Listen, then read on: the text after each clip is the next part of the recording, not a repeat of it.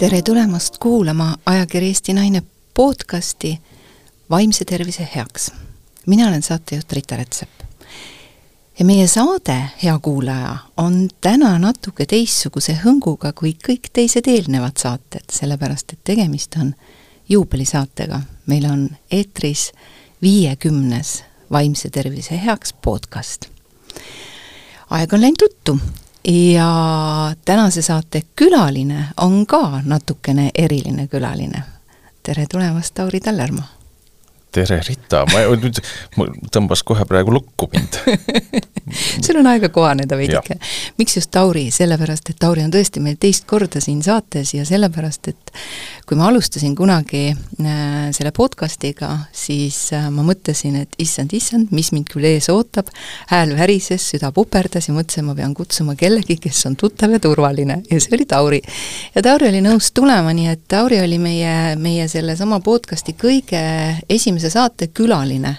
ja me saime päris ilusti vist hakkama. minu arust küll, jah. jaa, just, sa olid väga tuttav ja turvaline jah, ja kuna meil on ju teemasid, millega me sarnaselt tegeleme, siis on, see ka tekitab niisuguse hea turvalise tunde, et eks ole. et just. ei pea nagu hakkama kuidagi kompama ja ja nii-öelda ühist lainet otsima. just just, väga hea. ja, ja me võtsime tänase, tänaseks teemaks ka sellise teema, millega mina igapäevaselt oma töös kokku puutun ja ilmselgelt äh, ka sina. Äh, me räägime täna keskendumisest ja keskendumisraskustest oh. miks sa uhkad, Tauri? see on hea küsimus, et, äh, et noh, kuna sa oled keskendumisega igapäevaselt kokku puutunud. mitte iseenda omadega, vaid keskendumisprobleemidega. no ise pean ka ikka keskenduma. jaa, noh, meil, meil kõigil on endal keskendumisraskused. siis mul oli lihtsalt, et mõni aeg tagasi oli üks niisugune, üks ettekanne, kus ma rääkisin ka keskendumisest ja, ja pärast seda astusid mu juurde kaks prouat, küsisid, et et kui, mis me peaksime tegema oma täiskasvanud lastega, mis ma saaksin neile öelda, kui ma näen, et nendel on äh, probleemid nutiseadmetega, neil on omal lapsed ja nad näitavad neile eeskuju. ja siis ma mõtlesin ja mõtlesin ja tahtsin neid hirmsasti aidata ja, ja kuidagi jõudsin järeldusele, et oh, et, et kas ei olegi enam midagi teha. ja siis ma rääkisin, jagasin seda mõtet oma oma, noh, ma muidugi andsin neile mõned soovitused ka ja, ja, ja tegelikult ma nägin, et ega see, see soovitus neid kuidagi rõõmsamaks ei teinud, sest et põhimõtteliselt sul on võimalik oma lastega suhet rikkuda, kui sa ütled neile midagi, et ära tee või, või, või ära ole või või see ei ole hea eeskuju oma lastele, siis, siis tõenäoliselt nad pahandavad selle peale ja jälle sinu ema või vanaema tuleb midagi siin heietama ja ja, ja siis ma sõbraga jagasin seda mõtet ja ta ütles ka, et et mul, mulle tundus, et tegelikult ei olegi midagi teha. ja siis ta ütles, et ei sa pead alati ütlema. sa pead vähemalt ütlema, et kui sa näed mingit probleemi, et nad ei saaks sulle hiljem kunagi öelda, aga sa ei öelnud mitte kunagi. Ehk siis äh,, ehk siis see oeh tähendas seda, et, et me oleme, me oleme täna maailmas, kus on keskendumise probleemid. ja, ja isegi kui vahest tundub, et äh, ah, ei ole midagi teha, siis alati on midagi teha. et me peame midagi tegema, vähemalt me peame üritama midagi teha nii nagu meie siin täna tegelikult üritame kuulajale anda ehk mõnda sellist kasulikku soovitust, kas see reaalselt mõjub, kas sellest reaalselt kasu on, seda teab ainult kuulaja ja seda teab, teab ainult see, kes reaalselt ka ise midagi proovib teha, sest et iseenesest ei muutu mitte midagi. iseenesest keegi teine meie keskendumist paremaks ei tee, kui me ainult ise. Absoluutselt. Ja see oli ka, see oli ka tõesti nii, nagu sa ütlesid, see mõte, et ma näen oma oma töös igapäevaselt ja, ja kõige rohkem just selliste noorte teismeliste juures, et nad ei suuda keskenduda ja nad pigem põgenevad. Ja kui sa tõid siia sisse nutiseadme, siis noh, sellest me võime ju rääkida, et et see ongi põgenemine mugavustsooni, kus ei pea väga pingutama, aju on kodeeritud õppima ja siis ta sealt saab nii-öelda infot väga kergelt kätte, aga kui peab reaalselt õppima, siis ei osata enam pingutada ja siis on mugavam, ongi nagu põgeneda. et tõesti, see tähelepanu ja, ja keskendumisvõimest tänapäeval väga-väga palju räägitakse, see teema puudutab meid kõiki, kõiki, sest taustsüsteem, inforuum, kõik ju koormab meie aju ja tõesti, seda võib esineda igalühel meist, nii lastel kui täiskasvanutel, aga minu mõte oligi just see jah, et et anda nagu tööriistu või, või teavitada kas lapsevanemaid, teavitada noori inimesi, kes meid kuulavad, lapsevanem saab suunata last kuulama, ka laps suunab mõnikord lapsevanemat kuulama, et näe, kuula, seal on sellest juttu, et mida rohkem me räägime, seda, seda rohkem võib-olla see info ka kohale jõuab, et muidu on täpselt nii, nagu sa ennem ütlesid, et aga miks keegi ei öelnud? jah, et isegi kui tundub vahest olevat äh, võitlus tuuleveskitega, siis äh, siis meie, kes me oleme selle võib-olla lähemalt puutume kokku, sina nii-öelda teraapilisel poolel, mina võib-olla lihtsalt äh, teadvustamise poole peal, siis meie ei tohi lootust kaotada.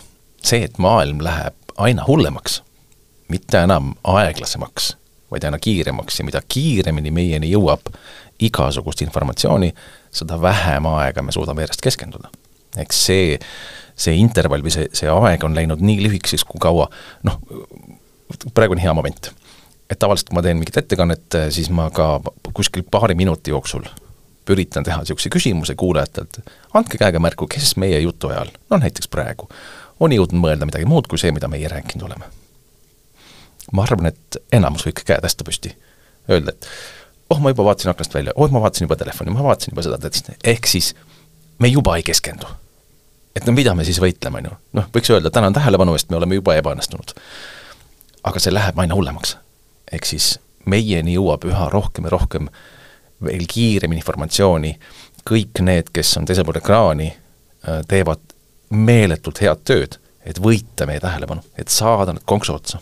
ja ma vaatan just eile jalutasime äh, abikaasaga ringi, kuidas vaatad, kuidas väike laps, niisugune esimese-teise klassi junts tuleb mööda tänavat, ta ei tea, kus ta on, ta ei tea, kus ta käib, tal on paljad käed lume sees ja tal on telefon käes ja ta lihtsalt kulgeb ja mõtled, et issand jumal, et tal ei tuleks mingisugust autot või midagi ette kuskile, et nad on, nad on kuidagi kuskil juba nagu selles mujal maailmas. ja siis äh, ja siis on see, et, et laps ei ole ju süüdi.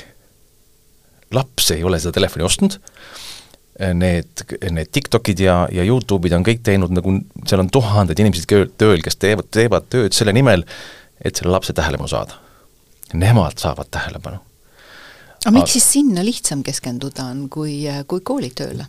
noh, nagu sa ütlesid, mõnikord on see põgenemine aga see ongi lihtsam, sest et, et mida nad pakuvad, nad pakuvad ju sulle ju elamust, nad pakuvad sulle lahedaid emotsioone, nad pakuvad sulle mitte pingutamist, sest vaata, eh, mingi aeg ju kujuneb välja inimese ajus võime teadlikult, tahtlikult ise keskenduda.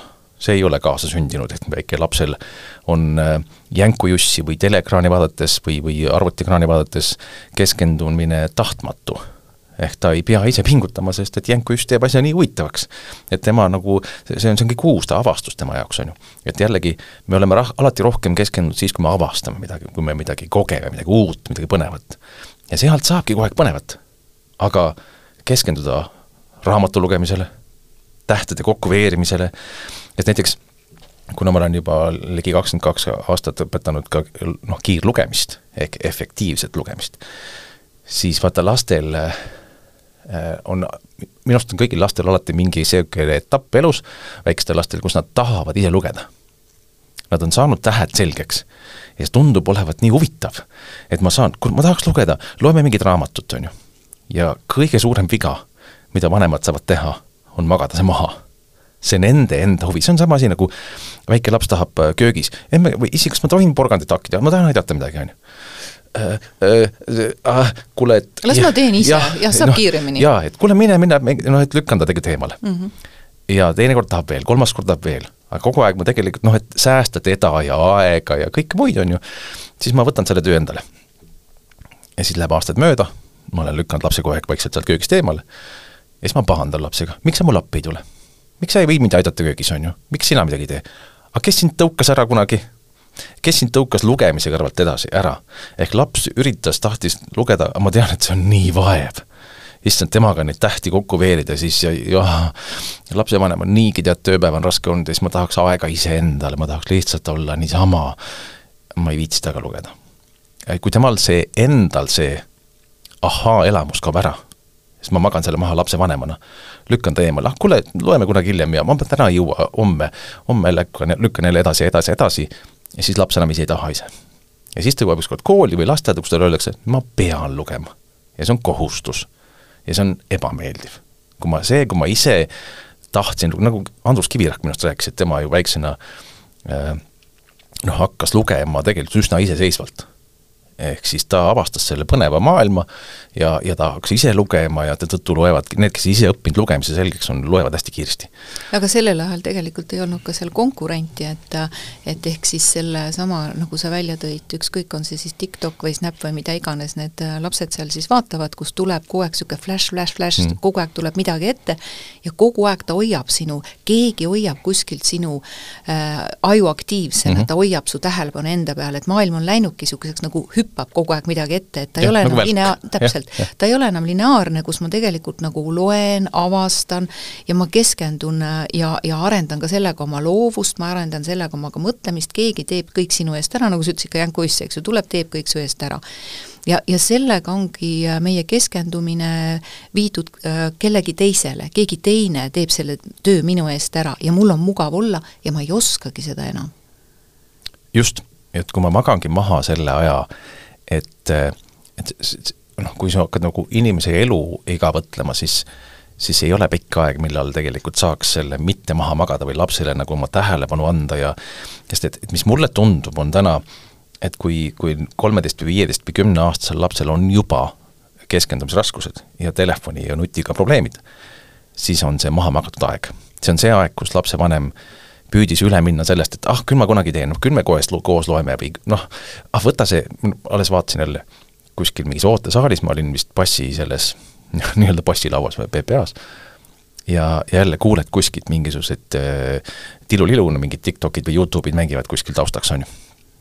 ehk jällegi lapsevanem selle asemel, et äh, lapsega seal äh, noh, järjekorras oota, oodata koos aega, teha midagi koos, ta annab talle telefoni pihku ja siis ta siit täie kõva lauluga seal kuulab ja vaatab, eks. et tegelikult see aeg, kus lapsevanem võiks pühendada talle aega, ta ei pea midagi muud tegema selle, nad mõlemad ootavad. Nad võiksid koos nii-öelda anda endast just see, et see laps õpiks äh, toime tulema igava olukorraga. ja mul, kümneaastasele just üks päev ütlesin, et äh, kuulsin raadiost minu meelest väga head ütlemist, et äh, noh, miks inimesed võtavad telefoni kätte, sellepärast et neil on igav ja, ja noh, lapsel mingis vanuses me enam ei mõtle selle peale, miks ma selle telefoni kätte võtan, see on juba automaat ajus. harjumus. jah, see on juba puhas niimoodi, et ma lihtsalt, telefon on käes, ma juba nii-öelda rullin seda, ma ei mõtle sellepärast, et oh, mul on igav, et teeks midagi, see on juba nii-öelda automaatrežiim. ja, ja siis ma ütlesin talle ka, et, et kui sul on igav, siis igav saab olla ainult sellel inimesel, kes ise on igav. et kui sa oled sõpradega koos ja, ja keegi ei taha sinuga suhelda, sest sa oled igav siis on sul järelikult ka, siis sa otsid, sinu aju otsib kogu aeg mingisugust äh, ägedat asju kuskilt mujalt, aga kui sa ei taha olla igav, sa tahad olla nagu sõprade seas nagu sõber või nagu hinnatud või ja mingil hetkel me kõik tahame olla ju, kuuluda, olla nagu mingis seltskonnas noh, natuke liidrid või vähemalt mingiski asjas nagu paremad, aga kui ma ei ole kellestki parem, ehk mul ei ole seda, seda võimalustki olnud, siis, siis ma otsingi seda, seda põnevust kuskilt mujalt ja, ja mis see tagajärg lõpuks on? mis on selle pideva äh, nutimaailma tagajärg on äh, üksildus. et need tegelikult, need inimesed on üksikud inimesed. Nad jäävad omasse maailma, on ju, neil ei ole enam, alles oli ju üks TikToki äh, äh, doksaade äh, Eesti kanalis. ja seal äh,, seal rääkis ka üks vist seitsmeteistaastane Austraalia tüdruk, kes on, tuli koolist ära, on ju, kes teeb TikTokis kellel on tohutud jälgijaid, miljoneid ja ja kes on nagu, see on tema nagu, see on tema maailm, tema, tema pere, tema nagu lähedased, tema sõbrad on nüüd seal kõik, on ju. noh, sõbrad, keda ta pole kunagi elus näinudki. ja siis ta ütles ka, et aga kui ma tahaks sõpradega välja minna, siis mul pole kellegagi minna. ma tegelikult olen üksi meie algus on hästi must, mustades värvides, aga, aga, aga tõesti, keskendusvõime kohta öeldakse ka seda, et see on väga tihedalt seotud just nimelt meie kehalise ja hingelise seisundiga et, et sealt tagant äh, kumab läbi hästi palju üksindus äh, ja ta tekitab üksindust. Et ma, ma sukeldungi sinna maailma, ma ei tegele oma sisemaailma, sisemaastiku arendamisega, loovusega, vaid ma võtan midagi, mis annab mulle korraks heaolutunde, ajukene ei tee ju vahet, kas ma, kas ma räägin päriselt sõpradega või räägin kujuteldavate sõpradega või mängin mingeid mänge ja, ja olen selles maailmas ja, ja lõpuks ma ei suudagi reaalelus enam teist inimest kuulata, keskenduda, vaata väikeseid poisse, et selle asemel, et seal omavahel mürada või või, või mingisuguseid ägedaid lugusid rääkida või koopaid ehitada või, või onne või mi-, mi-, midagi sellist ägedat teha, nad tegelikult näitavad telefonist üksteisele videosid. et see on nüüd siis see kokkupuutepunkt, eks ju, nendel. et, et midagi, mida nad tegelikult ise ei tee, vaid nad on leidnud kuskilt midagi. et, et ja, ja see, ja see on siis see, mis neid ühendab ja kellel näidata ei ole, see on väljas sellest mm. -hmm et, et mulle tundub, et see kõik on toimunud viimase kuskil umbes kümne aasta jooksul, mis sa arvad? jah, kes seda aega suudab, no täpselt, nagu kümme on kindlasti noh, kui me kerima kas või kümme aastat tagasi, siis äh, kui palju me ise olime kümme aastat tagasi näiteks äh, oma emailidega oma telefonis, üsna vähe veel. et see kõik algas, hakkas kuskil siis, siis umbes kulgema jah, aga kui sa mainisid seda siis üksildust, siis, siis tulen tagasi sama näite juurde jälle, et kui kui lapsevanem lükkab oma lapse korraks, et ah, ärme täna loe või no täna pole aega, et, et loeme homme seda, siis tegelikult ma tõukan ta eemale. et ma tegelikult ei anna talle ju mingit alternatiiv koos olemise rõõmu, vaid ma, ma ei, ma ei jaksa täna, mul on tihe tööpäev, mine mängi oma asjadega, ehk ma lükkan ta eemale ja tegelikult nii-öelda soodustan seda üksildust, üksi olemist, eemale tõukamist. ja, ja see tekib see, et et tegelikult hakkavad need hästi varast, varast lapsepõlvest hakkavad ju alateadvusesse kujunema juba need, needsamad jäljed, et mind lükati eemale, mind tõugati eemale, see ei, see ei tähenda seda, et, et kasi minema. see piisab sellest, et oi, kallis laps, ma täna ei jaksa. ja ma, ja mine ole omaette. aga homme ka ei jaksa. no just, aga, aga me seda enam ei mõtle, et homme ka ei jaksanud ja ja mingi hetk ma tunnen ennast, võib-olla lapsevanem isegi tunneb, et issand, ma ju mitu päeva olen eemal tõuganud, aga, aga ma ju päriselt ei jaksa ja noh, küll ta saab hakkama. mida ta mäletab, tead, minu arust juba see, kuidas me alateadlikke mustreid loome, kunagi oli jällegi, sattusin ühest, ühes saates vaatama, kuidas äh, rääkis liiklusõpetaja äh,, autokooli õpetaja. ja siis äh, noh, mingist just seadusmuudatustest ja siis küsis saatejuht, et aga aga kuidas te ei õpeta neid kuueteist või seitsmeteistaastaseid lapsi liikluskultuuri et kuidas nagu liikluses käituda. et te õpetate küll autojuhtimise selgeks ja, ja liiklusseaduse ja selle peale ütles autokooli õpetaja, et see on neil välja kujunenud juba lapsepõlvest. Nad tulevad sinna juba oma käitumisega, oma liikluskäitumisega. Nad ei oska veel autot juhtida. aga kui nad saavad selle selgeks, siis nad käituvad nii, nagu nemad olid siis, kui nad olid pisikesed, istusid autos, ma ei tea, turvahällis või turvatoolis, issi kihutas, sõimas kaasliiklejaid, pani punasega läbi, istus. Äh, foori taga telefonis. jah, ja, ja, ja ta ei mäleta ju seda detaili või fakti, see väike laps. aga ta mäletab seda, seda nii-öelda, seda emotsiooni. Või... ta mäletab, lapsed õpivad mudeli järgi, ta mäletab ja, seda mustrit Just. ja, ja ta jäljendab ju alateadlikult ja, ja ta ka teadlikult oma vanemaid, sest need on tema iidolid sealt ta ju õpib. ja mingist vanusest kuskilt sealt siis kümme, üksteist, kaksteist või hakkab see vaikselt siis see iidolid hakkama mujale kulgema oma vanematest eemale, on ju, lapsed, laste sõbrad, eakaaslased hakkavad võtma rolli üle ja vot sealt ka jälle sõltub, et kui palju on nüüd mul selles, selles keskkonnas, kus ma nagu kujunen, neid iidoleid ja millised iidolid on. et noh, ma mäletan, ühes koolis oli ka samamoodi, et kui meil üks laps oli vist neljas-viies klass, siis oli see, et poisid, kes isegi ei äh, ei pidanud väga palju õppima, et saada häid hindeid, hakkasid meelega jätma õppimata. sest nende klassis oli, hakkas poiste seas tekkima, kujunema suhtumine, et õppimine on nõme. ja see kujunes mõnede poiste, kellel olid natuke vanemad vennad vanemates klassides ja nende kaudu hakkas see kujunema. Ja kusjuures ongi tihtipeale muster see, et et need, kellel on natukene kuskil sealt suuremad, kes on väheke iidolimad, on nagu nii-öelda vanemad vennad, need hakkavad me kuidagi omas, oma eakaaslaste seas võtma selliseid liidrirolle no see on, see on täiesti tavaline. ja, ja noh, ma räägin. nii, nii on no,, nii on. ma räägingi tavalisi asju, aga ma ei räägi mingeid ebatavalisi asju. kuule, aga, aga me oleme mõlemad sinuga, ilmselt meie kuulajad ka tõesti nõus, et äh, meie tänase maailma, mitte ainult laste, vaid ka täiskasvanute tähelepanuvõime läheb aina kehvemaks. mis äh, tegelikult on ka see, et, et see mõjutab meie ellujäämist et no näiteks ma toon tänase, tänase näite, kus mul äh, sõbranna kirjutas, et tema poeg oli sõitnud selle asemel, et tulla bussi pealt maha Vabaduse väljakul, avastas ta ennast Õismäel ja loomulikult me saime aru, milles põhjus on, eks ju, et miks ta oli seal Õismäel, sest ta oli istunud äh, bussis äh, telefonis mm. -hmm. ja, ja sõbranna tegi väga hea lükke, ütles, et väga hea, aga nüüd jää ellu. ei läinud tal autoga järele mm. -hmm. Et, äh, et, et aga nii on, et nii, nii, nii sa õpidki tähele panema, sa oled järgmine kord tähelepanelikum et, äh, et, et tegelikkuses on ju meie tähelepanusüsteem on täpselt samasugune nagu meie esivanematel või seal kuskil savannis või, või talus, ta on täpselt samasugune, aga just nimelt see segajate hulk on nii palju kasvanud ja ta on nii palju intensiivne, et ta tõmbab meie tähelepanu ära ja väga kergelt tõmbab ära ja me kaome sinna sisse ära. Mm. -hmm ehk see tähelepanu loogika või noh, tähelepanu põhiprintsiibid, et mis meile tähelepanu äratab, aju seisukoha pealt ma usun, et on samas põhi, samal põhimõttel kui meie esivanematel. lihtsalt äh, nagu sa ütlesid, neid segajaid, neid häirijaid, mis, kes kõik üritavad meie tähelepanu saada, on nagu lihtsalt nagu meeletus koguses rohkem.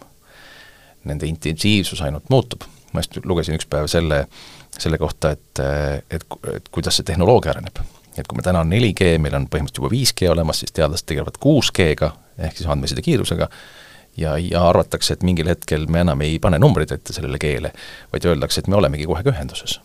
meil on, me oleme katkematult kogu aeg, inglise keeles on hea sõna nagu wired, ehk nii-öelda noh, internetiühenduses igal pool. mis tähendab seda, et igalt poolt, igast hetkest pommitatakse meid kogu aeg. Ja nüüd selle sees, ehk siis nii-öelda, et kus on see eh, on-off nupp, meil tõenäoliselt varsti puudub see.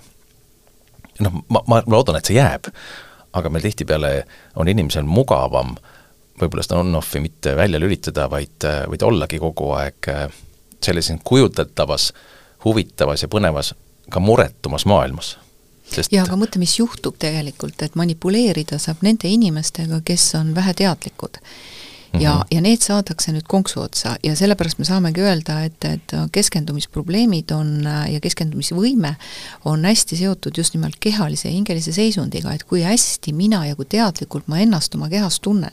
ja kui mul kogu aeg tuleb väliseid impulsse, siis see kontakt iseendaga kaob ära ja ma saangi, väljast keegi ütleb käsu, ma teen mm. -hmm, keegi mm, -hmm. mine sinna, teen, ma üldse ei oska enam ellu jääda, sõna kõige otsesemas mõttes.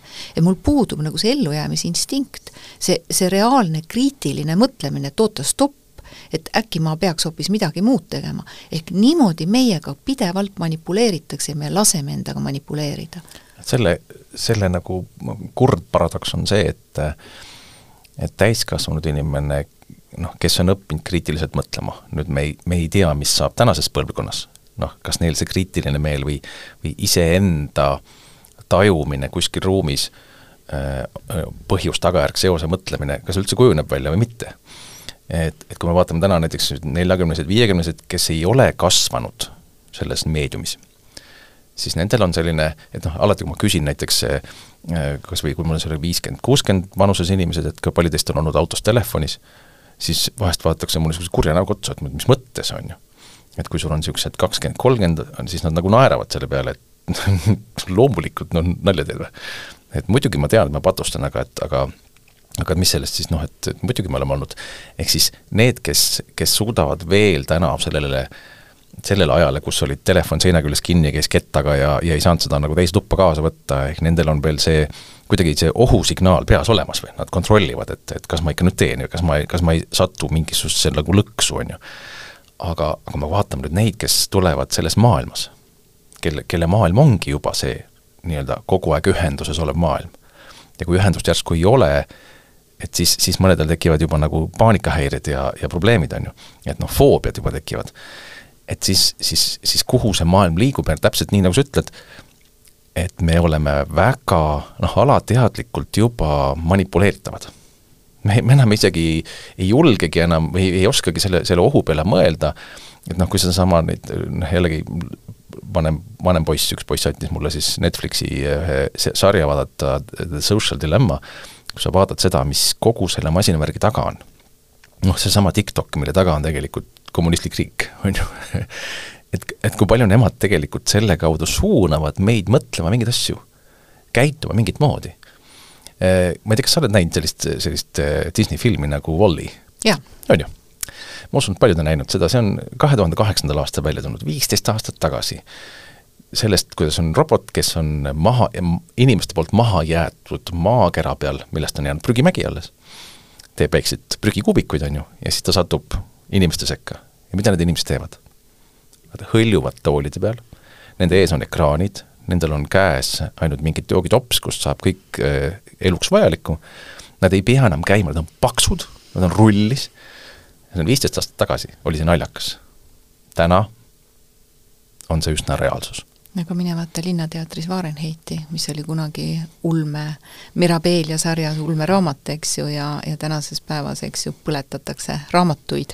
tuletõrjuja ülesanne on põletada raamatuid, nii et me oleme tegelikult sellises reaalsuses ja ja minu üks mõte oli ka, et, et hoiatada, et, et me, me, me ei näita näppu kellegi peale e,, e, igaüks elab oma elu ise, aga vot just, miks sa ei öelnud, mida me siin alguses ütlesime, just nimelt see, et kui meie esivanemad äh, ma ikka jälle lähen sinna savanni oma juttudega mm, -hmm. et kes on meid rohkem kuulanud, siis juba teab, et aa, Rita läheb jälle sinna savanni selle jutuga.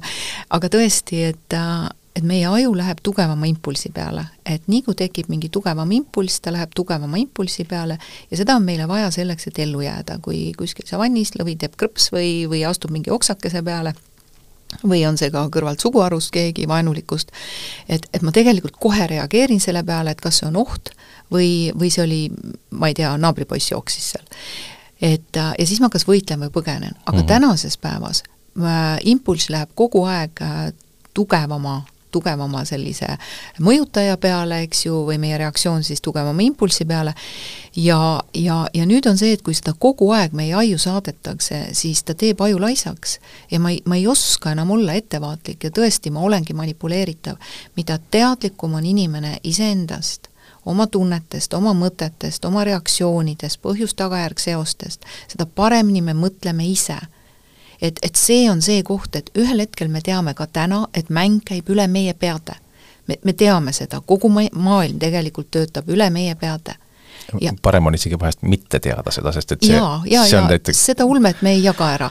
ja, ja Oe. nüüd ongi kõige tähtsam tegelikult hoida iseennast, hoida oma lähedasi ja kaitsta neid, et nemad jääksid ellu ja oleks tugevamad, sest looduses jääb ellu tugevam mm. -hmm et, et see on nagu see mõte, et me räägime küll keskendumisest ja tähelepanuvõimest, aga see on alus see on ellujäämiseks alus, et see ei tähenda ainult seda, et kas ma suudan koolis õppida või lugeda, see tähendab ka seda, sest haridus on ka vabadus, eks ju. et, et, et totalitaarsed režiimid tegelikult hävitavad alati ära isemõtlevad inimesed ehk intelligentsi. ja, ja, ja, ja, ja meie väikse rahvana me peaksime mõtlema seda, et mis toimub meiega meie peaksime oma järglastele õpetama iseendaga toimetulemist ja keskendumine ja tähelepanuvõime on üks nendest asjadest, kuidas seista vastu ohtudele, kuidas olla iseseisev, kuidas ennast ja oma lähedasi kaitsta, kuidas oma peaga mõelda. ma praegu kuulasin ja mõtlesin, et äh, ma üha rohkem olen äh, avastanud selle, selle, selle ellujäämise juures äh, ühe väga tähtsa momendi või ühe tähtsa, tähtsad hetked meie igapäevases elus. ja üha rohkem olen avastanud, et äh, nii kehalises kui vaimses mõttes on inimene loodud huvitaval moel kummaliselt, ehk kõige suuremad väärtused luuakse pausi ajal. hetkel, kus sa ei pinguta ma vaatan Newtonid ja kõik need, kõige ja, suuremad just, ideed tulid siis, kui keegi oli vannis või istus õunapuu all. aga selle eelduseks, täpselt nii, nagu ajuteadlane Jaan Aru oma raamatus kirjutab ka, selle eelduseks on eelnev pingutus mm. -hmm. ehk kui sa midagi ei tee, lihtsalt oledki, tiksud, vaatad oma ekraani peal ja siis, siis teed pausi, siis see ei loo uut väärtust. sinu lihas kasvab, teeb haiget ja kasvab ainult siis, kui ta teeb haiget ehk kui sa oled jõusaalis pingutanud või lihasega teinud tööd ja siis puhkad, siis hakkab ta kasvama, mitte sellel ajal, kui sa seda lõhud. ja täpselt samamoodi inimesega ka, ehk siis selleks, et, et, tekitada inimloomuse minu arust sellist erilist võimet, ehk siis luua midagi uut, mõelda lahendusi välja, see, mida meie aju tegelikult, tegelikult kogu aeg tahab teha. ta otsib lahendusi. Need lahendused tulevad siis, kui sa oled otsinud lahendust ja siis puhkad. ja, ja, ja ma just kuulasin ühte, ühte podcast'i ja, ja, ja seda kuulasin, et esimene küsimus oli see, et millal sa päriselt viimati ei teinud mitte midagi? nagu päriselt, mitte midagi. ehk siis sa ei mõelnud, sa olid, ma ei tea ma, ma noh, praegu meie kuulajad ei saa ka seda teha, sest et me, me räägime kogu aeg ja nad mõtlevad kaasa, on ju. aga, aga see on see aeg, mida me peaksime oma, oma lastele ka õpetama. Ja, ja ma vaatan seda, kuidas see tegelikult toimib, see on nii äge. ma mäletan küll, väiksema poisiga sõitsime mingi võistlustele ja, ja sõidu ajal ikka on, lapsel ongi telefon, ta vaatab sealt huvitavaid asju, ma kogu aeg ta käest ka uurin, mida ta sealt vaatab ja ta räägib mulle huvitavaid asju. ja ükskord jäi telefon maha. sõidu ajal, noh, mingi peaaegu tunniajane sõit oli kus hakkas tulema huvitavaid mänge. kus me oleme autosõidu ajal hakanud mõtlema välja mänge, sest ma näen, et ta ei taha selles telefonis olla. sest et vaata, ma arvan ka, et, et, et ma, kui ma ütlesin, et kui lapsevanemal mingil hetkel tekib võimalus, et kui sa näed, et lapsel on probleem, siis, siis tegelikkuses oled sa juba selle rongi lastud liiga kiiresti liikuma. et see probleem on see, see, et see rongile sul peale hüpata on väga raske. et tegelikult oleks, oleks pidanud, aga see on see oleks, noh, me ei saa aega tagasi kerida aga et me tänastele lastevanematele, kellel on kahe, kolme, nelja, viie, kuue, seitsmeaastased lapsed, andke neile aega, andke nendele koos aega, hetke olla lihtsalt koos. vaadata, kuidas ta hakkab looma mingeid uusi ideid, kuidas tema aju hakkab genereerima ägedaid asju välja, ilma et ta saaks neid manipuleeritavaid impulsse kuskilt mujalt ekraanist, on ju. ehk siis anda aega lihtsalt olla, olla igav, tunda igavust et ta hakkab sellele otsima ise lahendusi. ja see, millised geniaalsed ideed sealt tulevad, see on nagu äge. ja, ja et noh, siis see aeg iseendaga, eh, kui sa õpid ennast tundma, seesama asi, et, et me, kes ma siis olen, mis ma siis teen, mis mind siis huvitab, siis ta hakkab sinuga rääkima, ta hakkab su käest küsima. ja täpselt nagu jälle Jaan Aru ütleb ka, et ega siis, et nutiseade on ju aseaine. noh, me anname selleks, et omale kvaliteetaega saada, aeg, kvaliteetaega saada, anna oma lapsele telefoni kätte, las ta siis tegeleb, ma saan abikaasaga juttu ajada ei, väga paljud lapsevanemad ütlevad, et nad on tööst väsinud ja hmm? siis ka scroll imine ja kõik see, see aitab neid, kusjuures tegelikkuses aju ja keskendumine, see on lihas. ja kui ma istun seal selles nutiseadmes ja ja seda kogu aeg scroll in, siis aju, ajulihased kogu aeg töötavad ja siis ja. ma olen veel rohkem väsinud. see ei ole puhkus, aga inimesed arvavad, noh loomulikult tänases maailmas nutiminutid võiksid olla, eks ju, ja peaksidki olema ja et olla seal ühenduses võib-olla kes kellega, kas siis Messengeris või, või vaadata uudiseid, noh, see, see on meie elu, eks. aga just nimelt tarbi targalt ja vot see, seda me peaksime lastele ka õpetama, just see, et, et kas sa lased, ma üks päev jälle seletasin lapsele, ta tõi, vaatas, ma näen, et ta on Youtube'is, vaatab mingeid asju, ma vaatan kõrvalt, mm, täitsa tundub niisugune süütu. noh, et niisugune normaalne asi, mida ta vaatab, on ju. ja siis ta tuleb rääkima, mis ta sealt sai ja kõik ja ma ütlesin, kust sa selle said? Eh, et kas ise otsisid või? ei, Youtube andis. ja ma tegelikult pikalt, noh, rääkisin temaga hästi lühidalt, et, et tegelikult see Youtube ütleb väga, väga hästi, mida sa tahad Youtube ei, ei paku sulle lihtsalt suvalisi asju, ta pakub sulle seda, mida sa oled juba varem tahtnud. ehk siis sa oled nii see palju end-, just, sa oled nii palju andnud enda poolt sinna juba talle infot, mille põhjal see ai, tehisintellekt või kes iganes, teeb selle põhjal otsuse, annab sulle valiku. ja see pani teda täitsa mõtlema. et vaata, ja, ja nüüd jällegi et keegi kontrollib teda. just mm. -hmm. ja see, et ma, ma arvan, et tema jaoks oli ka oluline see, et tema isa võttis hetke temaga sel teemal rääkida, ehk see on see nüüd meie kvaliteetaeg, kus me arutasime, äh, sellele eelneb ka meie varasem ikkagi autorit-, et ma olen tema jaoks autoriteet, kui ma olen lasknud sellele kuidagi niimoodi lipa-lappa minna, siis, siis ta võiks ka vabalt reageerida sellele see, et ahah mm, -hmm, jah, noogutab, läheb teise tuppa ja vaatab edasi. aga tema reaktsioon tavaliselt on see, et ta paneb telefoni ära. ja siis ta küsib, et kas ma saan kuidagi aidata või või teeme, joonistame koos midagi, ehk nüüd ta saab aru, aga see ei, see ei tule nagu, see ei sünni nagu tühjast kohast, ehk mis ma tahangi öelda, et me, see, et meie laps ei mäleta oma teist või kolmandat eluaastat, kuidas ta istus autorooli, isa sõimas autoroolis kedagi teist, see ei tähenda, et tema aju ei mäletaks tundeid, emotsioone, neid mustreid tema, ta, ta võtab kaasa selle, nagu sa ise oled rääkinud, selle, kuidas me kodeerime juba oma lapse juba, juba siis, juba lapse ema kõhus. rakumälu. noh, et tegelikult meie mõju on äraütlemata suur. aga, aga kuna ta, kuna ta ei saa aru, ta ei oska rääkida, siis meil tundub, et noh, tema, ta ei ole veel inimene selles mõttes, et kellega saaks arutada, et kasva suureks, kui me räägime. ei, talle tuleb anda aega, hetki koosolemise, kas või vaikuse hetki, koosolemise hetki, ehk siis sest, sest ma, ma arvan küll, et kui, kuna tehnoloogia küll meeletult kiiresti areneb, siis üks hetk tekib ikkagi mingil hetkel nii suur äh, vastuseis kuskil ühiskonnas sellele, et võtame aja maha, et kuskilt antakse natuke ikkagi mingi platoo, et me, me ei, me, see ei kasva püstloodis, et varsti ei ole meil kümme G ja viisteist ja kakskümmend G, vaid meil kuskil tekib ikkagi mingi mingi kriitiline mass paneb kuskilt piduri peale, ma nii tahaks loota. ma ka väga tahaks loota, et seesama eestikeelne sõna molutamine, mis võib-olla ei noh, on sellise ei halva, kõla ei kõla hästi, on halva maiguga ka, et mida sa molutad siin, et mis on niisama vahid.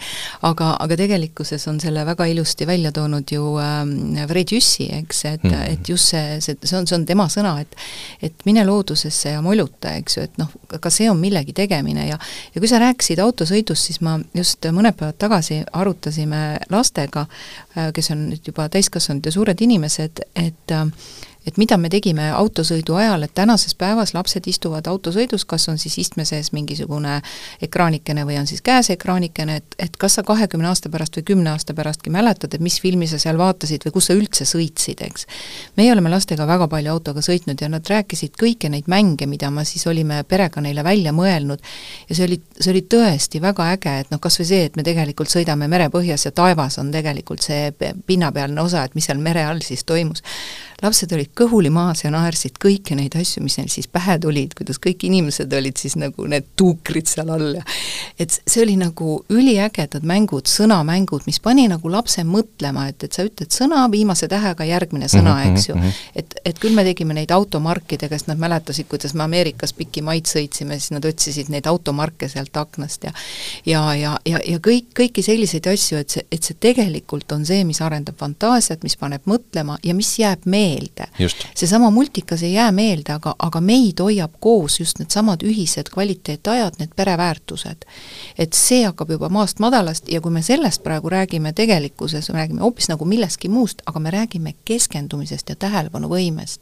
ehk tegelikkuses on see, kuidas me kodeerime oma aju ehk siis me keskendume selle suhte loomisele. me keskendume oma lapsele, oma järeltulevale põlvele ja vot tänane täiskasvanud inimene võib-olla peaks mõtlema, ehk siis mida ekraanid tegelikult teevad, mida on ju ammu uuritud, on see, et nad vähendavad empaatiat mm. -hmm. meil ei lähe enam korda, mind ei huvita mm. -hmm. Nojah, kui ma olen äh, seitsmekümne aastane ja ma võib-olla, mind ei kutsuta enam esinema kuskile ja, ja pension on, nagu ta on, siis sel hetkel mind väga huvitab, et, et mu lapsed siiski mäletaksid mind. et nad hooliksid minust Nad hoolivad siis minust, kui meil on olnud koos kvaliteetaega või siis ütlevad, et kuidas vanaisa Tauri kunagi tegi meiega seda, seda asja, vilepilli või, või vestis. aga need, kõik need automänge me mängime praegu ja me, meil, meil on selle sõnamängust ja autode mängust ja automarkide mängust juba sai villand, ja noh, tead, tänapäeval me sõidame hästi palju Tallinn-Võru vahet ja, ja seal on, tead, mis probleem on? Eh, pool teed on nüüd kiirtee mm -hmm. ja sa ei näe teiselt poolt automarke, sest sul on need barjäärid vahel, on ju, jube jama. siis me siis tuleb ajus hoopis natuke sobraga. ja meil laps mõtles uue mängu välja. geniaalne, siis nii, nii äge, me kogu aeg tahame mängida. arva ära, mida ma mõtlen. ja see, sa mõtled alguses, kuule, see on täitsa ja, ja mängul on väga lihtne.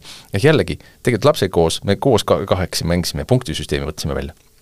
aga sa võid mõelda mida iganes, täit suva, on ju ja kui ma nüüd esitan sulle kolm suunavat küsimust, millele sa saad vastata ainult jah või ei, ja sellega arvan ära, mis sa mõtlesid, ma saan kümme punkti. nüüd, kui ma ei arvanud ära, esita, annad sa mulle vihje. ma võin küsida jälle juurde kümme või kolm siis suunavat küsimust, millele sa saad vastata jah või ei, ja kui ma siis arvan ära, saan viis punkti, järgmise vihjega neli punkti, kolm, kaks ja lõpuks ütled ära. ja see on vaata, kus on fookus Ja, tegelikult milline keskendumine, eks ju. jah, ja sa võid mõelda, ükspäev mõtlesin, mina mõtlesin näiteks ähm, planeedi Marsi peale, ükspäev mõtlesin äh, ma ei tea, saunaviha peale las mõtles, jah, ja sa, sa võid mõelda mida iganes.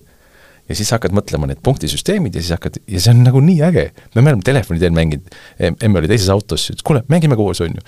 emme oli telefoni teel, meie siis niimoodi mängisime kaart paari kaupa täitsa soovitan. Ja teate, kuidas lastele läheb, mitte ainult lastele, endale läheb see nii korda, see on nii huvitav juba see, mida ta mõtleb, et mis tema peas käib. ja see, milliseid vihjeid sa küsid. Ja, ja sa pead nuputama, sa pead keskenduma, see ei ole nii, et sa lihtsalt lahmid midagi. just, ja see õpetabki tegelikult fokusseeritud mõtlemist, et see on mänguline ja, ja mis asi on üldse keskendumine, et tegelikult keskendumine ongi sugu, noh, kas mingisugusele objektile või mingile eh, tegevusele siis selline tähelepanu suunamine mm, -hmm. see ongi keskendumine, eks ju. ja samal ajal siis hoida seda fookuses, samal no. ajal, eks ju. ja pea, pidevalt ka teadvustades, eks ju, ja samal ajal sa tajud ka tervikut. et, et sa no,, sa oled kohal. jah, need tähelepanul on vist neli erinevat liiki või mis iganes, kuidas neid liigitatakse ja, ja need mõist-, muide, muideks ega siis tähelepanu teada, ajuteadlased ei ole ka päris ühel meelel, mis asi siis see tähelepanu on, et kas me une ajal oleme siis teadvusel või kas meil, kas imikul on teadvus ja nii edasi, aga noh, põhimõtteliselt tähendab see siis teadvelolekut, et ma siis nagu teadvustan seda, mida ma parasjagu teen. Noh, kas või see, et ma panen, panen järsku midagi, panen kähku kirja, aga tegelikult ma ei mõelnud, mida ma kirja panin, siis ma ei tea, mis seal kirjas on. mu tähelepanu ei olnud sellel, vaid ma püüan sind kuulata, noh nagu öeldakse ka, et, et, et kui sa teed nagu võimalikult hea konspekti loengus, siis tegelikult sa ei tea, millest räägiti sul on üsna ebaselge ülevaade õppejõu jutust, sest sa üritasid, su ke-, su fookus oli maksimaalselt heal konspektil. ehk kirjutada kõik sõnad üles mm. -hmm. millest ta rääkis, äh, see midagi rääkis sellest, sellest, sellest, on ju. aga tegelikult on see niisugune lünklik ülevaade. et jällegi, et kui su fookus on sellele, et püüda aru saada, küsida küsimusi juurde ja siis teha omad märkmed, on hoopis palju parem tulemus no täpselt samamoodi nagu õppimisega, et õppimise laud näiteks õpilasel siis, kes kodutöid teeb, äh, peaks olema võimalikult puhas Äh, seal ei tohiks olla kindlasti nutiseadet, ehk jälle fookus läheb, tähelepanu läheb mujale, tähelepanu läheb mujale, eks ju. et, et sa pead keskenduma ühele asjale, et kui lapsel on raske keskenduda, et siin võiks olla üks nipp, eks, et tee see töölaud puhtaks. et ta saaks keskenduda ühele asjale. sest et muidu ta, muidu ta istub ja, ja scroll ibki seal vahepeal, sest et see on mugavam, inimene on loomult laisk ja, ja, ja, ja nii ongi ja ma toon sulle ühe näite, segan vahele, vabandust, äh, mul oli tänaseks kohe kahekümne seitsme aastaseks saa-, saav poeg. kui tema oli kuuendas klassis, siis äh, noh, see on juba nüüd kümne aasta tagasi, ja ma läksin talle tuppa, tema teeb kodutöid ja mida ma näen? televiisor kõrval. mitte lihtsalt ei mängi, vaid üürgab, on ju arvutiekraan, siis ei olnud veel TikTok'e ja Youtube'e või Youtube vist oli, aga aga seal käis mingi Messengeris mingi vestlus kõik ja laua peal on siis kooli asjad, millest ta siis õpib ja siis mul tead, mul tead kohe nagu käratas sees, on ju, ma tahtsin talle nii-öelda öelda, et äh, nii ei saa. aga ma ei saanud midagi öelda. tal on tunnistusel kõik viied. kuidas sul on, kuidas sa saad öelda, et nii ei saa, kui saab? ja siis ma sain aru, et ma saan, saan talle öelda seda, et tead, sa võid treenida oma aju keskenduma igasuguses keskkonnas sa võid õppida hakkama saama, see, kui su ümber on meeletu meri, noh nagu tänapäeval on ju need avatud kontorid, on ju. noh, kuidas inimene saab siis keskenduda, aga nad saavad, lõpuks tulevad toime. sa õpid ära, aga millal sul võib tekkida probleem, kui sa õpid ära sellises segaduses hakkama saama? sul probleem võib tekkida siis, kui segadust ei ole. vaikuses olemine. sa oled klassis, sa oled saalis, kus sa pead tegema kirjandit, kus sa pead nüüd järsku mõtlema ja, ja aju jaoks ei ole seda sinu jaoks turvalist keskkonda ehk siis sa pead noh, nii-öelda väike laps, kuuenda klassi laps tõenäoliselt ei planeeri oma elu, ei oskagi veel mõelda, mida ta oma elust kunagi tegema hakkab või, või, või millises keskkonnas olema. aga sina lapsevanemana saad tuua, mitte hurjutada, öelda, et nii ei tohi, pane kinni, vaid seletada. et jällegi tegelikkuses, millest me rääkisime, see on see, ma annan oma lapsele aega, ma annan talle oma parima teadmise, ma ei, ma ei ütle talle pahasti, vaid ma tegelikult hindan ja väärtustan teda selle nimel, et tal oleks hästi, ja siis tegelikult tagajärjeks on see, et ma hoolin, ma näitan oma hoolimist, ma loon ühiseid väärtusi, ma tean, et see laps mäletab, et et, et nad, et mind armastatakse, mis on kõige ägedam, see, kui sul tuleb nagu kümneaastane või laps tuleb ja ütleb sulle üks suvalisel hetkel, issi, ma armastan sind. saad aru, et sa oled midagi õigesti teinud elus, on ju. see ei tule tühja koha pealt, mitte sellepärast, et Youtube'is keegi ütles nii. vaid ta tuleb ja ta tuleb kallistab. Ja vot, et see on see, mis ei sünni lihtsalt tühjast kohast, vaid see peab sünnima nendest hetkedest, mida sa oled koos, oled andnud oma väärtuslikku aega oma lapsele, temaga koos mänginud, temaga koos õppinud porgandit hakkima või, või lugeda tähtedest sõnu kokku.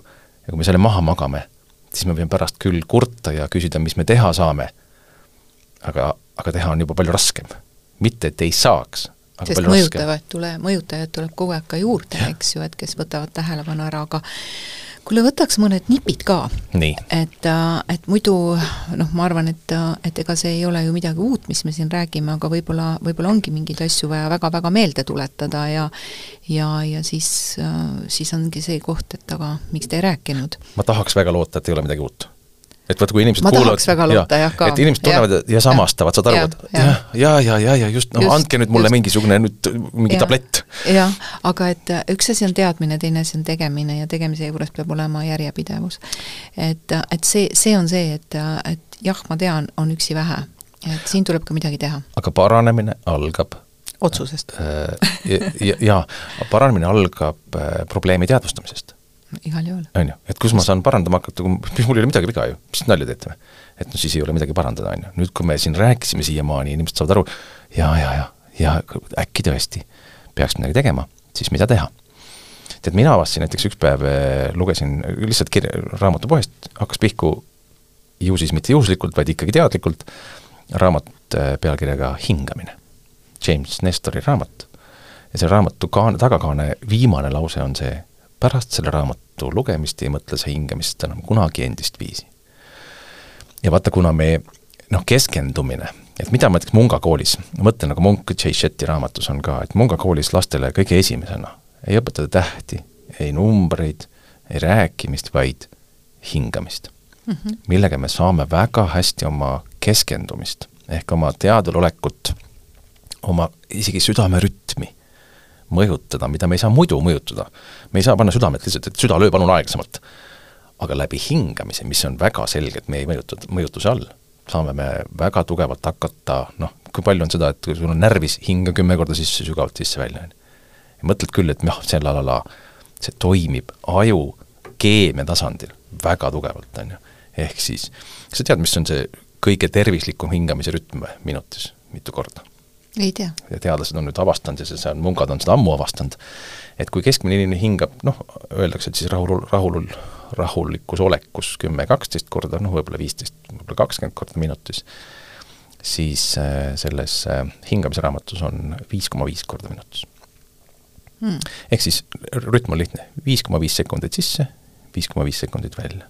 teebki kokku minutis viis koma viis korda noh, ümardaselt võib öelda ka, et kuus korda, et noh, eks see sõltub ka inimese kopsumahust, vanusest ja kõigest sellest, et noh, mõni on kolm sisse, kuus välja, mõni on neli sisse ja, ja, ja mõte on see, et kui me hingame, nagu me hingame tavaliselt mm, -hmm. siis me ei saa hapnikku mm. -hmm. ja see, mida alveoolid meie kopsupõhjas tahavad saata ajusse, selleks, et aju saaks tööd teha, keskenduda millegile, on verega koos hapnik sa ei saa seda hapnikku, pole seda, sa ei tule õhku, värsket õhku ei tule peale, vana on seeski kui sa õpi-, kui sa pead nii, no kas või kuus või seitse korda minutis, aga siis sa hingad sügavalt. ja siis sa saad, vahest teeme seda harjutust ja mõnel hakkab pea ringi käima. sest järsku saab aju nii palju hapnikku. aga muidugi seal raamatus kirjutab ka seda, et, et et süsihappegaasi tähtsusest vahest, vahest alahinnatakse, et sellel on ka väga oluline roll nii on, aga üks harjutus siis tõesti on see, et, et viia fookus iseendasse ja, ja kuulata oma hingamist, jälgida oma hingamist, et äh, meil on siin üks podcast ka hingamise hmm. terapeudiga tehtud, et võib siis seda kuulata sealt, aga, aga näiteks äh, ma pakun e-, enda poolt, et jah, see hingamise oma on, on väga, väga hea keskendumise harjutus ja ka rahustab keha hästi maha. aga, aga näiteks äh, ära tee mitte midagi. see on seesama küsimus. jaa, ära ma... tee mitte midagi harjutus, eks ju, just nimelt. ja, ja näiteks äh, üks väga hea fookuses hoidja on küünal, et lihtsalt jälgi küünlaleeki. ehk siis me ei räägi mitte nagu füüsilisest tegemisest, on ju, et ära kaeva kraavi või ja, ära ja, scrolli, vaid ära oma peas mitte midagi tee. ära mõtle mõtle mitte midagi. just, et jälgi, lihtsalt jälgi, jälgi küünlaleeki ja siis sul läheb mõte kindlasti rappa kuskile mm, -hmm. noh, läheb, mitte rappa just mitte, aga ta läheb rändama, eks ju, just. ja, ja tule tagasi, tule lihtsalt tagasi, et vaata, kui palju sa suudad seal olla. tegelikult äh, noh, ma olen ise joogalaagris teinud näiteks äh, niimoodi, et me olime, ma ei mäleta, kas kolm tundi keskendusime nina otsale. kolm tundi või? mitu korda selle aja jooksul sa mõtlesid millegi muule? Äh, kindlasti mõtlesin, aga see oli nii põnev tegelikult tegeleda selle ninaotsaga, et sa tuled nagu tagasi, sa tuled nagu tagasi, eks ju. et ükskõik, et vaata mingit pilti või, või ähm, ma ei tea, mine Kumusse, istu pingi peale ja jälgi ühte pilti ja vaata, kuidas see hakkab nagu mängima su ees või, või kodus või kus, kus iganes, jälgi seda. et, äh, et see on üks selline, üks selline väga-väga hea aju tühjendaja ja, ja ta tegelikult äh, ta õpetab ka keskendumist, et ta õpetab fookuses olemist, tundub, et noh, mis nüüd, jälgisin küünlaleeki, eks ju, ah, tore on ju, aga, aga tegelikkuses sa oled saanud teha natukene ajule restardi ja sul on rohkem võimalust ja sul on rohkem ruumi tegeleda, ühest küljest sa õppisid keskendumist, aga teisest küljest ka tegeleda mingite asjadega. et, et sinna mahub rohkem sisse, sest et see pea ei ole enam nii täis. tead, mis ma selle koha pealt tahaks kohe nagu, vaat, vaat võib-olla mõni mõtleb kõrval, et aga kui ma lähen istun seal, ma ei tea, kas kolm tundi vaatan ühte maali, nalja teete, et ma selle aja jooksul oleks ju nii palju kasulikku võinud ära teha jah, aga tegelikult see ongi kasulik. tuletan meelde selle, mis me ennem rääkisime, kõige väärtuslikum on inimese jaoks puhkuseaeg. ehk nii nagu uneaeg, ma ei tea, kas selle une spetsialistid on ka käinud sul siin? jaa, Kene Vernik no, käis no,, absoluutselt. see on üks kõige tähtsam asi. kuulake Kenet kindlasti ja, ja uuesti, uuesti need teemad üle. ehk siis uneaeg, mis, mis on selle väärtus, puh-, pausihetk, kunagi ütles, ma arvan, et juba viisteist aastat tagasi, psühholoog Anu Virovere niisuguse mulle siiamaani kummitava mõtte. ja palun mitte sellest valesti aru saada. väidetavalt on suitsetavate inimeste seas vähem läbipõlemisefektiga inimesi kui mittesuitsetavate seas. miks? mitte sellepärast, et nad teevad suitsu, vaid nad leiavad iga päev aega iseenda jaoks. Nad võtavad aja maha. ehk siis me kõik peaksime mitte suitsetama, vaid võtma aega iseenda jaoks. täpselt nii, nagu Jaan Arura jutul on see, et, et kui sa otsid lahendust ja pingutad ja mida su aju niikuinii tahab teha, siis tee paus võta korraks paus ja, ja ärge arvake, et see noh, kui palju tänased äh, tippärimehed maailmas mediteerivad. noh, mida teeb meditatsioon meiega, see võib tunduda, et see on täitsa kasutu aeg.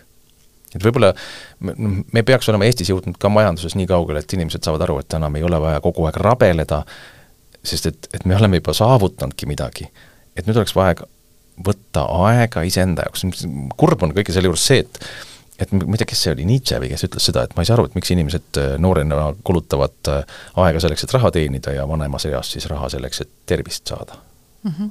et noh, et äh, et või noh, kulutavad tervist selleks, et raha teenida, hiljem siis kulutavad raha selleks, et tervist tagasi saada. et me, see on inimese loomuses.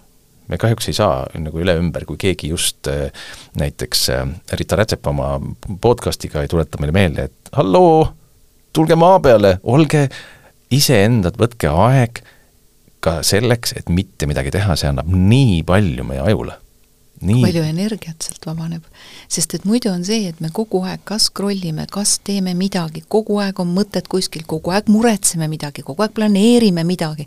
ja lõpuks on seesama ajulihas, on nii väsinud et ta ei suuda enam Lahe. olulistele asjadele keskenduda. ei leia lahendusi enam. ta ei, ei leiagi enam lahendusi. ta on ummikus. jah, et see, see retsept, mis on siin varasemates podcastides ka välja öeldud, et igas tunnis viis minutit, igas päevas üks tund ja igas nädalas üks päev on moljutamise päev ja moljutamise aeg et see on see, mis aitab meil keskenduda, et meil on vaja teha ruumi ja me ei suuda keskenduda, kui peas on nii palju müra, see ei ole võimalik sest mõte on ka mujal, nii nagu õpetajad ütlevad koolis, et kui, äh, kui koolides on nutiseaded lubatud või ei ole, aga õpetajad teevad näo, et nad ei näe seda mm, -hmm. siis see nelikümmend viis minutit, mis laps on seal tunnis, vahetunnist ta tuleb, viisteist minutit on ta mõtetega oma mängude ja asjade juures, viisteist minutit võib-olla, kui õpetaja on piisavalt huvitav, kuulab teda ja järgmised viisteist minutit, mis on vahetunnine, ta tegelikult keskendub ka sellele, mida tegema hakata seal telefonis, kellele midagi näidata, eks.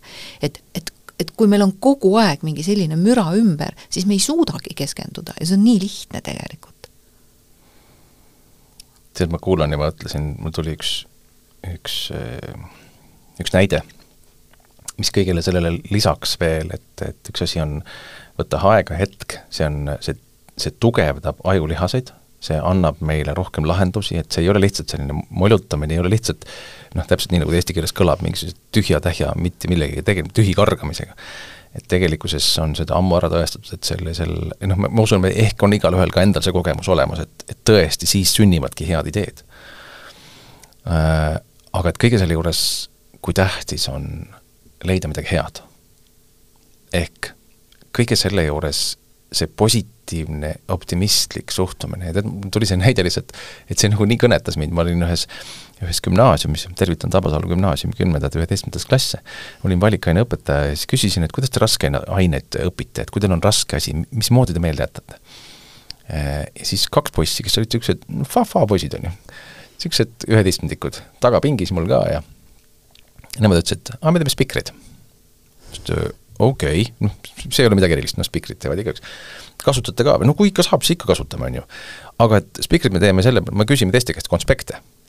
me, okei okay,, et noh, nad ei viitsi ise õppida, siis nad kirjutavad teiste konspekti asemel as,, abil endale spikreid, et halloo, et kuidas siis nüüd, aga siis tuli nagu point.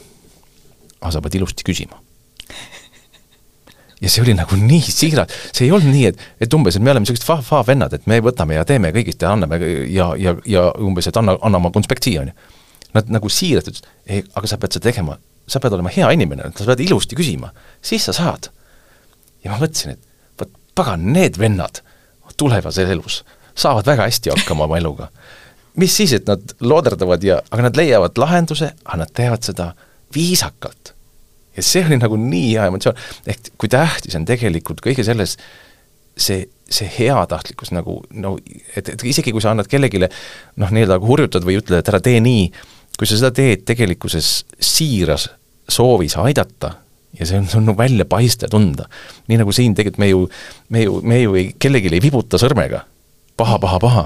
ei, kindlasti me, mitte, meil me, on siiras soov jah, et, jagada oma, oma mõtteid ja, ja äkki kedagi see kõnetab jah, et Eesti inimesed oleksid tegelikult rõõmsad ja just, leiaksid hetki. ja kui me, kui me kujundame enda harjumusi ja, ja kujundame enda keskkonda selliseks, mis, mis aitab meil paremini keskenduda, siis äh, tegelikult on ju seda keskendumisvõimet äh, noh, ikkagi väga märkimisväärselt võimalik edendada ja see, see oli selline mõnus vestlus meil siin, et aitäh, kuulaja, et sa meid kuulasid, meil oli tore. ja, ja ma usun, et seesama tore energia tegelikult jõudis ka teieni, et, et ärme võta seda nüüd nii hullult tõsiselt, aga tegelikult tegeleme sellega tõsiselt. aitäh, et võtsite aega meiega koos molutada, loodame sellest sünnib midagi väga erilist teie isiklikult enda jaoks. aitäh, Tauri! aitäh, aitäh, aitäh, kuulajad!